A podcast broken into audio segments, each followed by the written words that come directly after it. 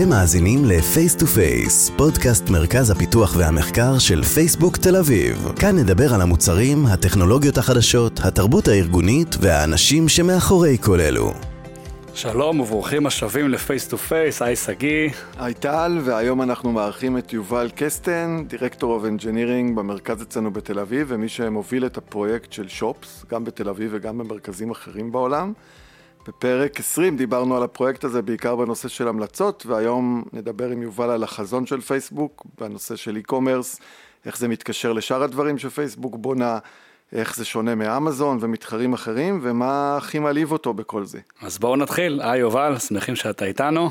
אהלן, כיף להיות כאן. מעולה, אז בוא תספר קצת על עצמך, מה אתה עושה היום בפייסבוק ואיך הגעת לנקודה הזאת. אוקיי. Okay. אז אני הצטרפתי לפייסבוק לפני, האמת, בדיוק תשע שנים. ביום שישי האחרון חגגתי ככה את ה-Faceversary שלי, כמו שאנחנו קוראים לזה. מזל טוב. תודה רבה, תודה. אז באמת הצטרפתי ב-2012, בזמנו לא היה מרכז פיתוח בארץ עדיין, אז אני ואשתי, בזמנו היינו זוג צעיר ללא ילדים, עברנו לקליפורניה, והצטרפתי למרכז פיתוח שלנו במנלו פארק, שזה בעצם ה-Headquarters של פייסבוק. הייתי שם כארבע שנים, גם כמפתח וגם כמנהל בקבוצה שבונה את המנוע חיפוש של פייסבוק. אה, לשמחתי, במהלך הזמן הזה, גם פייסבוק אה, רכשה סטארט-אפ בשם מונאבו והקימה את מרכז הפיתוח בתל אביב, וגם אה, נולדה לנו הבת הראשונה שלנו, וב-2016 עברנו לישראל. הצטרפתי כאן לקבוצה שבונה את Facebook Lite, והייתי בה כארבע שנים. גם הובלתי את הקבוצה, התרחבנו לעשות עוד כל מיני דברים שבטח שמעתם עליהם בפרקים קודמים. ולפני כשנה התחלתי את הפרק השלישי שלי בפייסבוק, והצטרפתי ליוזמת ה e-commerce של פייסבוק שנקראת Facebook Shops, שזה מה שאני עושה היום. אז באמת, כמו שאמרתי, בפרק 20 דיברנו עם שלו ועם מור, על Shops, דיברנו הרבה על המלצות, מה בעצם אה, אתה מוביל, ואני יודע שזה לא רק פה בתל אביב. כן, אז בעצם הקבוצה שאני מוביל היא ממוקמת בלונדון ובתל אביב. אולי זה אחד היתרונות ככה של הקורונה והעבודה מהבית והעבודה בזום וכולי, ש... המרחקים בין הסייטים השונים, בעיקר שני סייטים שיש להם הפרש שעות יחסית נוח, של שעתיים, המרחקים מצטמצמים, ויש לנו היום צוות שהוא מפוזר על פני שתי הגיאוגרפיות האלה, פלוס אנשים שעובדים גם מרחוק. הקבוצה שלנו נקראת קבוצת הקטלוג. בהרבה חברות e-commerce יש קבוצה שנקראת ככה, ויש חפיפה גדולה בין מה שהקבוצות האלה עושות, וכמובן יש גם דברים ייחודיים לכל חברה וחברה. קבוצת הקטלוג זה בעצם, יש לנו accountability מקצה לקצה, על כל המידע שיש לנו על המוצרים השונים שנמכרים. אז זה אומר גם התשתית שבה המידע הזה מאוחסן, ה-APIים הפנימיים עבור צוותי פיתוח בתוך חברה, החיצוניים, אה, בשביל לגשת למידע הזה, לשנות את המידע הזה, לקרוא את המידע. יש לנו קבוצה שעובדת עם ה sellers עצמם, עם המוכרים, העסקים, בין אם זה עסקים ענקיים כמו Nike ו Sephora, עסקים בינוניים, שחיים אונליין וגדלו על גבי הפלטפורמות שלנו, כמו Allbirds למשל, מותג נעליים מאוד ידוע, ועד כדי עסקים קטנים, ה long tail של ה long tail של העסקים הקטנים. אז אנחנו עובדים איתם, ובעצם מבינים מה הדרך הנכונה עבור כל אחת מהחברות האלה, להביא את המידע שלהם, את ה inventory, את המלאי שלהם, את המידע על כל מוצר, לפלטפורמות שלנו. ובנוסף, יש לנו שתי קבוצות, שאחת מהן זה הקבוצה שלו ומור שדיברתם איתה, והקבוצות האלה מתעסקות המון גם ב machine learning, גם ב web crawling, ושיטות אחרות בעצם לייצר עוד ועוד שכבות של ידע על המוצרים, מעבר למה שאותם מוכרים מספקים לנו. הרבה פעמים המוכרים קשה לספק את המידע, זה יקר להם, אין להם צוותים טכנולוגיים. דוגמה אחת למותג שחי בפלטפורמות שלנו, שאני מאוד אוהב לתת, זה חברת אופנה ישראלית בשם Sisters. שתי אחיות ירושלמיות הקימו מותג אופנה מאוד מאוד מצליח בישראל, ואני מניח שגם מתחיל להתפרס מחוץ לישראל. אין להם צוות טכנולוגי, אין להם אה, מה שנקרא feed management או catalog management teams שלחברות הגדולות יש. והיעד שלנו זה לבנות את הכלים שיאפשרו גם להן לספק את המידע ביותר פשטות, וגם אחרי זה לנו להבין לעומק את המוצרים בכל הפלטפורמה, ולייצר עוד שכבות של אה, אינפורמציה בעצם. מה השימושים שאנחנו רואים, אמרת, אנחנו בעצם מוסיפים עוד שכבות של אינפורמציה, מה השימוש בזה אחר כך בתוך המוצרים שלנו? ממש קשת רחבה של אה, שימושים, גם שימושים שמופנים למוכרים, לעסקים, המטרה שלנו לשפר את החוויה שלהם, ניתן דוגמה. ראינו למשל שסלרס שמשלבים גם תמונות של המוצר עצמו, כזה על רקע לבן ורק רואים את המוצר, וגם תמונות שנקראות לייפסטייל, שרואים את המוצר כחלק מאיזושהי סצנה יומיומית. זה דבר שמאוד עוזר לאנשים להחליט האם הם רוצים לקנות, ולכן טווח זמן רחוק, אז זה גם משפר מאוד את המכירות. היכולת האלגוריתמית להבין שתמונה היא תמונת silo, תמונה על רקע לבן, תמונה לייפסטייל, לא יכולת סופר מסובכת, אבל צריך לבנות אותה, ויש עוד אלף דוגמאות כאלה. ואחרי זה, בעזרת הידע הזה, אתה יכול לתקשר למוכרים, היי, hey, שימו לב, יש לכם מתוך כל הקטלוג שלכם 100 מוצרים שאין להם תמונות לייפסטייל. אם תעלו תמונות לייפסטייל, ה-conversion שלכם יכול להשתפר. בעצם אנחנו מנסים כל הזמן לשחק על המשולש הזה, שבין ה-buyers, ה-sellers, וכמובן פייסבוק, החברה, ולנסות למצוא את אותם win-win-wins. וזו דוגמה קטנטנה אחת. כמובן שדוגמאות שהן יותר אה, פונות לקונים עצמם, למשתמשים, זה גם דברים שבפרק הקודם אה, דיברתם עליהם, מנועי המלצות, להבין מה הקשרים בין מוצרים, מוצרים דומים, אולי מוצר אחד אזל במלאי, בואו נציע למשתמש מוצר אחר, לאו דווקא מאותה חנות, כן מאותה חנות. וכולי. בשיחת אה, משקיעים האחרונה, מי שמקשיב לשיחות האלה, אני מקווה שהמאזינים פה חלקם שומעים, מרק אמר שקומר זה בעצם אחד מה... שלושה הכיוונים האסטרטגיים שהחברה הולכת להשקיע בהם בשנים הקרובות. מה זה בעצם אומר? מה, מה לפייסבוק ולקומרס ומה בדיוק אנחנו הולכים לעשות אה, שונה או אחר? כן, לגמרי. אז בעצם מרק דיבר על שלושה דברים, הוא דיבר על creators, על commerce ועל המטאוורס. אה, ומה שנחמד שגם השלושה מאוד קשורים אחד לשני, גם על זה הוא קצת דיבר ואני אשמח גם להגיד על זה כמה מילים. אז creators, רק במילה, בעצם מנסים לייצר ecosystem שבו אנשים בין אם זה אנשים מגה מפורסמים, עד כדי אנשים פשוטים יכולים לייצר תוכן ולמצוא לעצמם קהל של עוקבים אחרי התוכן הזה. ועוד פעם, זה יכול להיות תוכן מאוד נישתי, קהל עוקבים מאוד מאוד חזק, מצומצם, אבל מאוד מאוד עיקש, ועד כדי, אה, לא יודע מה, סלינה גומז באינסטגרם, שבדיוק העלתה אתמול לייב אה, וידאו, שבו היא מראה כל מיני תכשירי איפור מיוחדים שלה, שיש לה מיליונים רבים של עוקבים. אז באמת על כל הספקטרום הזה של ה creators. ואנחנו רוצים שיהיה להם את האופציה גם, כמובן, לייצר תוכן מגוון, בכל ה... גם אודיו, גם וידאו כמובן, בעתיד גם VR, וגם כמובן לאנשים לצרוך את התוכן, ולייצר המון אינטראקציה בין המשתמשים לבין אותם ה creators. חלק מהאינטראקציה הזאת, זה כמובן סביב commerce, זה כמובן לא הדבר היחידי, אבל מאוד חשוב לנו לאפשר לאותם creators להפוך את זה בעצם לפרנסה שלהם, וגם creators מסדר גודל קטן, עם כמה אלפי עוקבים, החזון שלנו שנוכל בצורה חכמה, גם אלגוריתמית, לחבר אותם למותגים רלוונטיים, לחבר את המותגים הרלוונטיים אליהם, ובעצם לאפשר להם לפרסם ולקדם מוצרים, ולעשות מזה כמובן מקור הכנסה עבורם. אז זה ככה הנושא של creators, שהוא קשור ויש לו חפיפה עם commerce, יש לו כמובן גם אספקטים אחרים. על commerce אולי תכף נדבר, והאזור השלישי זה כמובן המטאוורס, שהיה לאחרונה לא מעט בכותרות, ככה נושא מאוד אטרקטיבי. אני בדיוק אתמול השתמשתי פעם ראשונה ב Oculus Quest 2 שלי, ועשיתי ככה את ה-one on one הראשון שלי דרך מה שנקרא Workplace Rooms, חוויה מטורפת, אבל בגדול החזון של המטאוורס הוא די המשכיות של מה שפייסבוק כל הזמן ניסתה לעשות, שזה לחבר אנשים, להביא אנשים ביחד, בין אם זה חברים, משפחה, קהילות, עסקים ואנשים, אנשים מפורסמים ואנשים, והחזון של המטאוורס, לפחות מה שאני לוקח ממנו, אתם יודעים, אה, כל אחד יכול לקרוא את מה שמרק אומר ואת המוצרים שאנחנו משחררים, זה לא להחליף את הסיטואציות היומיומיות. כלומר, שאני יושב עם חברים שלי, הולכים לעשות טיול, או דברים כאלה, אנחנו לא מנסים להחליף את זה. מה שאנחנו כן מנסים להחליף זה בעצם את המגע שלי יש היום עם הצוות שלי בלונדון. כלומר, השותפים הכי קרובים שלי, ה-PM, product manager המקביל אליי, סקוט, אנחנו עובדים ביחד כבר כמעט שנה, מובילים את הקבוצה ביחד, לא נפגשנו יום בחיינו, פיזית. רק ה video conference, לקחת את החוויות האלה שהן אינהרנטית מרוחקות, כלומר אין להם סיכוי אמיתי להיות בעולם הפיזי, ולהעביר אותם לעולם וירטואלי שהרבה יותר, כמו שאנחנו קוראים לו, immersive, אני לא יודע מה התרגום אה, בעברית לזה, סליחה. זה בעיניי החזון של, ה, של המטאוורס. ויש לזה המון אין סוף השלכות, אני מהמקום שלי בתור מישהו שעובד על, על Shops ועל commerce, אז כמובן אנחנו חושבים על זה בתור חזון קצת יותר ארוך טווח, אחרי שנבסס את Shops בתור מוצר עם product market fit אמיתי, אבל האינטראקציות בין עסקים לבין משתמשים בכל העולם בצורה שהיא חוצה גבולות, כמובן פה זה גם מתחבר ל-payments ולחזון של פייסבוק שיש סביב העולם של payments, וכבר דיברתם עם, עם תומר בראל בעבר, ובכלל עם חבר'ה של נובי. ושגיא נכון, אה עכשיו שניכם בעצם עובדים שם. טל, אני לא יודע אם זה היה בסדר לעשות לך ככה אאוטינג. כן, כן, אז בסדר. הכל מתחבר ביחד בעצם, לאיזשהו חזון ארוך טווח של פייסבוק, של ככה לטשטש את הגבולות. זה מה שאני אישית מאוד מאמין בו. ולהפוך את זה ליותר אמיתי. אני רוצה להגיד בנקודה הזאת שאנחנו מקליטים אחרי שנה וחצי פעם ראשונה פרק במשרד, כולנו יושבים באותו חדר, אמנם ב-social distancing, אבל בכל זאת, ואין ספק שזה חוויה אחרת לגמרי. אני גם עשיתי פעם אחת את ה-Workplace Rooms ב-VR, וזה מדהים, זה כמובן עוד לא ממש הדבר האמיתי, אבל לגמרי רואים שזה הולך לשם. מה לגבי דברים שהם יותר traditional, אה, אני יודע, וואטסאפ? כן. אינסטגרם. אז, אז קודם כל Shops חשוב להגיד, זה לא איזה מוצר אחד. יש ליבה, שהליבה הזאת מאפשרת גם לעסק להעמיד חנות, יש את העמוד של החנות, יש דפי מוצר, כל מה שאנחנו מכירים מ-e-commerce באופן כללי.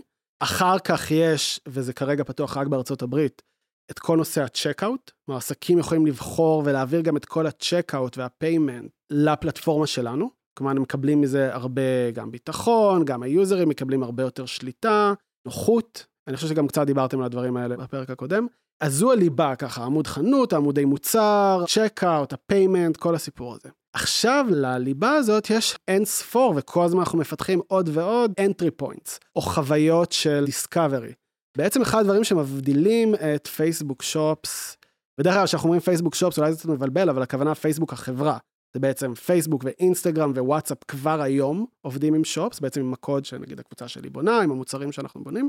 בעתיד אני מניח, אני לא יודע שזה יתפתח גם למסנג'ר ואחר כך לאוקולוס, אבל שופס, אנחנו בעצם לא מנסים להיות איזשהו מקום גנרי לקניות. שבו אתה רוצה לקנות, לא יודע מה, אייפון חדש או טלוויזיה, אתה תבוא פשוט לעשות את זה בשופ. זה פחות המוקד שלנו. כלומר, עסק יכול להרים כזאת חנות, זה ממש לא איפה שאנחנו מתמקדים. איפה שאנחנו מתמקדים זה בדברים שהם גם ככה מאוד מאוד מאוד קשורים להתנהגות שגם ככה קורית במשך שנים בפלטפורמה. אז אם זה פייסבוק, הרבה סביב הנושא של communities, בעצם אם אני בקהילה של הורים, או יותר נכון בכמה קהילות של הורים, יש לי שלוש ילדות בגילאי גן, אז זה חלק מאוד דומיננטי מהחיים שלי, ובקבוצות של הורים, בטח אתם מכירים מכם שבכזאת, כל הזמן יש שיח שנקרא לזה מוחבא בו איזשהו intent של commerce. מי מכיר זה, מי ממליץ על זה, אני רוצה למכור כזה. אז זה הרבה מהנושא של פייסבוק, כמובן שהרבה מה-communities האלה הם סביב hobbies, לא יודע מה, snowboarding, אופניים, משחקי קופסה. המון המון מההתנהגות שגם ככה קיימת בפלטפורמה היא סביב commerce. אינסטגרם כמובן זה הרבה סביב הנושא הזה של influencers, creators, בכלל brands באופן כללי, הרבה אנשים עוקבים אחרי brands. ווואטסאפ, שגם שם אנחנו כרגע פתחנו ממש לאחרונה איזשהו פיילוט ראשון, אם אני לא טועה, בהודו, שוואטסאפ ביזנס מעל Shops. גם ככה הרבה מההתנהגות, בדומה לישראל דרך אגב, בגלל זה אני נורא מקווה שכבר זה ייפתח בישראל בקרוב, המון מההתנהגות הנוכחית, הקיימת של מסחר, היא מהר מאוד עוברת לוואטסאפ. כלומר, אתה מגלה על איזשהו מוצר באיזושהי דרך, מישהו אמר לך, או באתר או כולי, תוך שנייה אתה עובר לשיחת וואטסאפ עם המוכר. בעיקר שחושבים ככה להעצים small medium businesses, small tiny businesses, אז הרבה מזה עובר לוואטסאפ, ושם היכולת להפוך את כל השיח הזה לסטרקצ'רד, כלומר בעצם במקום שהמוכר ישלח לך כל מיני פרטים או כל מיני לינקים, פשוט שולח לך ישות, אנטיטי, שהיא המוצר עצמו, ואז אתה יכול פשוט להיכנס לתוך החוויה של שופס דרך השיחה. אז בעצם כל פלטפורמה והייחודיות שלה, ובכל פלטפורמה אנחנו מתמקדים באזורים אחרים. באופן כללי בפייסבוק ובאינסטגרם, איפה שאנחנו מתמקדים זה מאוד lifestyle. Fashion, beauty, home decor, זה אזורים שהם גם ככה מאוד חזקים בפלטפורמות האלה, ויש כבר המון התנהגות קיימת, שאנחנו מנסים בעצם להפוך להרבה יותר valuable למוכרים, והרבה יותר קלה וחלקה ועשירה לקונים. מעניין, אני מניח שבסוף אה, הזכרת את זה גם קצת, שבסוף יש ecosystem שלהם של e-commerce, של איך חברות מנהלות את זה עבור עצמן היום, גם עבור עסקים גדולים, גם עבור עסקים קטנים, הרבה מזה גם קיים בארץ, אנחנו קשורים ל-ecosystem הזה. כן, זה, זה מטורף. אני לפני שהצטרפתי לקבוצה, לא היה לי רקע חזק ב-e-commerce, ככה נחשפתי לדברים האלה תוך כדי תנועה. אז באמת לכל סוג עסק, לכל סגמנט של עסק ולכל חלק ב-funnel, מ-inventory management לקטלוג management ל-social media management, יש איזה 10-20 סטארט-אפים מאוד מעניינים אה, בתחומים האלה. באמת באופן טבעי הרבה מזה קורה בישראל. מה שמעניין בישראל זה כמו תמיד, זה כיוון שהשוק המקומי הוא מעניין, אבל גם השוק הבינלאומי הוא עוד יותר גדול, אז אנחנו רואים גם חברות שמתעסקות בטכנולוגיה של e-commerce, לא מעט, וחברות טובות ומוצלחות, וגם עסקי e-commerce ישראלים שמוכרים גלובלי. עכשיו, הכל תלוי איפה אתה שם את הקו, אתה יכול אפילו לחשוב על מותגים כמו סודה סטרים בתור עסק e-commerce ישראלי, מותגים כמו פנדה של המזרונים, שהם בסוף מוכרים בכל העולם מעל פלטפורמות של סושיאל, וכמובן זה הולך לכל, עד ל-small businesses שיש, כמו שאמרתי, עסקי אופנה מקומיים, הדרך שבה אנחנו מחוברים לאקוסיסטם, אז חשוב להגיד, אנחנו עובדים בשיתוף פעולה די צמוד וגם קצת ייחודי עם החבר'ה של פייסבוק ברוטשילד, בעצם החבר'ה של פייסבוק ישראל, שהם מנהלים את כל המערך העסקי של פייסבוק בישראל. יש שם הרבה אנשים מעולים, ואני עובד קרוב לשירלי אמסטרדם, שהיא מנהלת את האזור הזה. שירלי עובדת נניח מול החברות, מול עסקי האי-קומרס עצמם, לא הסטארט-אפים הטכנולוגיים, אבל אה, יותר מול החברות עצמן, שהן כמובן כבר הרבה שנים לקוחות של פייסבוק סביב עניין הפרסום. בעצם העסקים האלה בנו את עצמם סביב הפרסום, ככה הם הגיעו לקהל הלקוחות שלהם, והיוזמה היום של Shops מנסה להמשיך את זה. בעצם, אוקיי, הגעתם לאיזשהו קהל לקוחות ראשוני, דרך מה שנקרא paid distribution, דרך פרסומות. מה שאנחנו רוצים לייצר זה גם המון distribution אורגני, דרך קהילות וקבוצות ואינפלואנסרס וכולי, וגם להמשיך את כל ה-funnel של היוזר לחוויה שהיא תהיה מעולה. כלומר, הבחירה באיזה מוצר, ה-payment, ה-checkout, הכל, לבנות החוויה הכי הכי טובה native באפליקציות. הצגת את עצמך בתור מישהו שחוגג אה, תשע שנים בחברה, ואני חייב להגיד שאתה נשמע עדיין נלהב, אה, כאילו הצטרפת אתמול, אז היה קצת מעניין לשאול, מה הדבר שהכי מלהיב אותך בכלל ובפוזיציה החדשה? איך לעזאזל אני נשארתי פה תשע שנים? בעצם באיזשהו מקום התחלתי את הקריירה השלישית שלי עכשיו בפייסבוק. הייתי ב-search ארבע שנים, עולם טכנולוגי מאוד מאוד אה, מיוחד ועמוק. אחרי זה ארבע שנים נחשפתי לעולם הנפלא של emerging markets, ועבודה על טלפונים חלשים, על רשתות תקשורת קשות, אתגרים טכניים low-levelים מאוד מרתקים, ופתאום לפני שנה התחלתי את הקריירה השלישית שלי בפייסבוק, שהיא מאוד שונה, e-commerce, לא היה לי מושג מזה כלום, חיבור לביזנס, שמונה שנים עבדתי בפייסבוק, אף פעם לא הבנתי מאיפה פייסבוק מכניסה כסף, מי משלם לי את המשכורת. אז באמת, היכולת הזאת, גם אחרי כל כך הרבה שנים, לבוא ולהמציא את עצמך מחדש, אני חושב שזה בעצם מה שאותי באופן אישי שימר כאן. ספציפית על commerce, אני חושב שהרבה דברים מגניבים, ויש כל מיני דברים שהם כאילו אנקדוטיאליים, באמת מגניבים, כאילו כבר היום, לפחות בארצות הברית, אתה יכול למדוד את המשקפי שמש של Warby Parker, אני חושב שככה אומרים את זה, אתה יכול למדוד אותם על הפנים שלך. ב-AR, האמת טכנולוגיה די פשוטה, זו טכנולוגיה שהיום היא כבר מאוד נגישה. AR מאסקס רגילים, כמו שאתם מכירים מאינסטגרם, תעשו שיתוף פעולה עם החנויות, והם יצרו מודלים של המשקפי שמש, ואתה יכול לשים את זה על הראש, ובאמת לראות, וזה כמובן, זה לא מדמה אחד לאחד, אבל זה כבר נותן לך כיוון האם זה מתאים לגודל פנים שלך, לצורת פנים שלך וכולי. אותו דבר עם ליפסטיק, שאני קצת פחות קהל היעד, אבל יש לא מעט חברות ליפסטיק שכבר היום, אתה יכול לעשות uh, try on ב-augmented reality וזה. לומר את האמת, זה לא הדברים שהכי מרגשים אותי. אותי באמת הכי מרגש הנושא של העסקים קטנים, דווקא אולי במקרה כי אני מכיר כמה באופן אישי, ואני יודע מה חסם כניסה שלהם לשוק, וכמה השקעה היום, כאילו הסיבה שיש כל כך הרבה סטארט-אפים בתחום הזה, זה כי יש המון heavy lifting שבעל העסק צריך לעשות. והרבה מהעסקים האלה אין להם את הפריבילגיה לעשות את זה, ואני חושב שבמספיק טכנולוגיה וחשיבה עסקית מוצרית נכונה, אפשר להוריד את הרף בצורה משמעותית, וזה אותי הדבר שהכי מרגש, מי שהוא חלק מהצוות הזה. אז אולי שאלה לסיום, אם אתה יכול להגיד קצת מה אתם מחפשים, פרופילים, ואולי גם בכלל קצת כ-לידר בולט ב-site, איך נראה ה-site היום בתל אביב, ומה אנחנו מחפשים אולי באופן כללי. זה די מטורף, אני באמת הצטרפתי ל-site ב-2016, עברנו לישראל. אני חושב שהיו סך הכל באנג'ינירינג איזה 50 איש, טל, אתה בדיוק הגעת, קצת אחרי לדעתי, או קצת לפניי, אני כבר לא זוכר. קצת אחרי, כן. ומאז גדלנו באמת בקצב מסחרר, היום אנחנו כבר מעל 700 איש, כאן ב-site בשרונה, במרכז הפיתוח. יש לנו יותר מ-200 משרות פתוחות. אני יכול להגיד שיש לא מעט קבוצות שהן בצמיחה, כמובן גם הקבוצה שלכם, של נובי, שלנו, ב-Shops, קבוצות אחרות גם. הרבה מהמשרות הפתוחות האלה משרות אה, פיתוח, אבל לא רק. אז באמת, באופן כללי ב-site אנחנו מחפשים תכלס מהכל. אנחנו בקצב צמיחה שהוא מאתגר, חשוב להגיד, ובגלל זה אנחנו משקיעים המון מאמץ גם בשימור ה-culture וכולי. ספציפית אצלנו ב-Shops, אנחנו, ככל שהזמן עובר, אנחנו מתרחבים לעוד ועוד פעילויות. אז אה, בעבר ראיינתם את החבר'ה מהצוות של ה-product clustering שלנו, היום יש לנו עוד צוותים בדומיינים אחרים, לאו דווקא Machine Learning, גם product engineering יותר קונבנציונלי, והרבה דברים שממש user facing. אנחנו מחפשים את כולם, בפייסבוק הגישה שלנו זה לא מעניין אותנו מה השפת, אתם יודעים את זה, לא מעניין אותנו מה השפת תכנות שלכם, או איזה סוג מוצרים עשיתם להם design בעבר, או של מה הייתם PM-ים, אלא בואו תהיו אנשים טובים עם כישרון חזק ואנחנו גם נפתח אתכם. אני כן אגיד במאמר מוסגר שהקבוצה שלי באופן ספציפי מאוד מחפשת אנשים שהם domain experts ב-e-commerce, גם בניהול מוצר, גם בדאטה סייאנס, גם בדיזיין, גם כמובן בסופטוור אנג'ינירינג. אנחנו מנסים לעשות פה משהו מאוד שאפתני, ואנחנו לא ממציאים עולם חדש, אנחנו נכנסים לעולם שהוא קיים, e-commerce קיים, הגישה שלנו שונה לגביו, השאיפות שלנו שונות לגביו, אבל בסוף בסוף יש המון ידע רלוונטי שכבר קיים בתעשייה, וזה אנשים שיכולים לבוא ולעשות אצלנו הרבה מאוד impact די מהר, כי הם כבר באים עם הרקע העמוק הזה של e-commerce, וזה דבר שיכול להיות מאוד משמעותי, אבל גם באופן כללי, מספיק שאתם מתלהבים מה-mission הזה, או מה-mission של נובי, או מה-mission של לייט, או מכל אחת מהקבוצות האחרות, אנחנו מאוד נשמח שתבואו. אז אה, תודה יובל, היה ממש מעניין ללמוד על הנושא הזה, נשמע באמת מאתגר ובאמת אסטרטגי. תודה, אני מקווה שנהניתם. עד כאן עוד פרק של פייס טו פייס. תודה רבה, ואל תשכחו לעשות לנו לייק. פרקים נוספים באתר f2ftlv.com, באפליקציות הפודקאסט המובילות, וכמובן בעמוד הפייסבוק שלנו, פייסבוק תל אביב.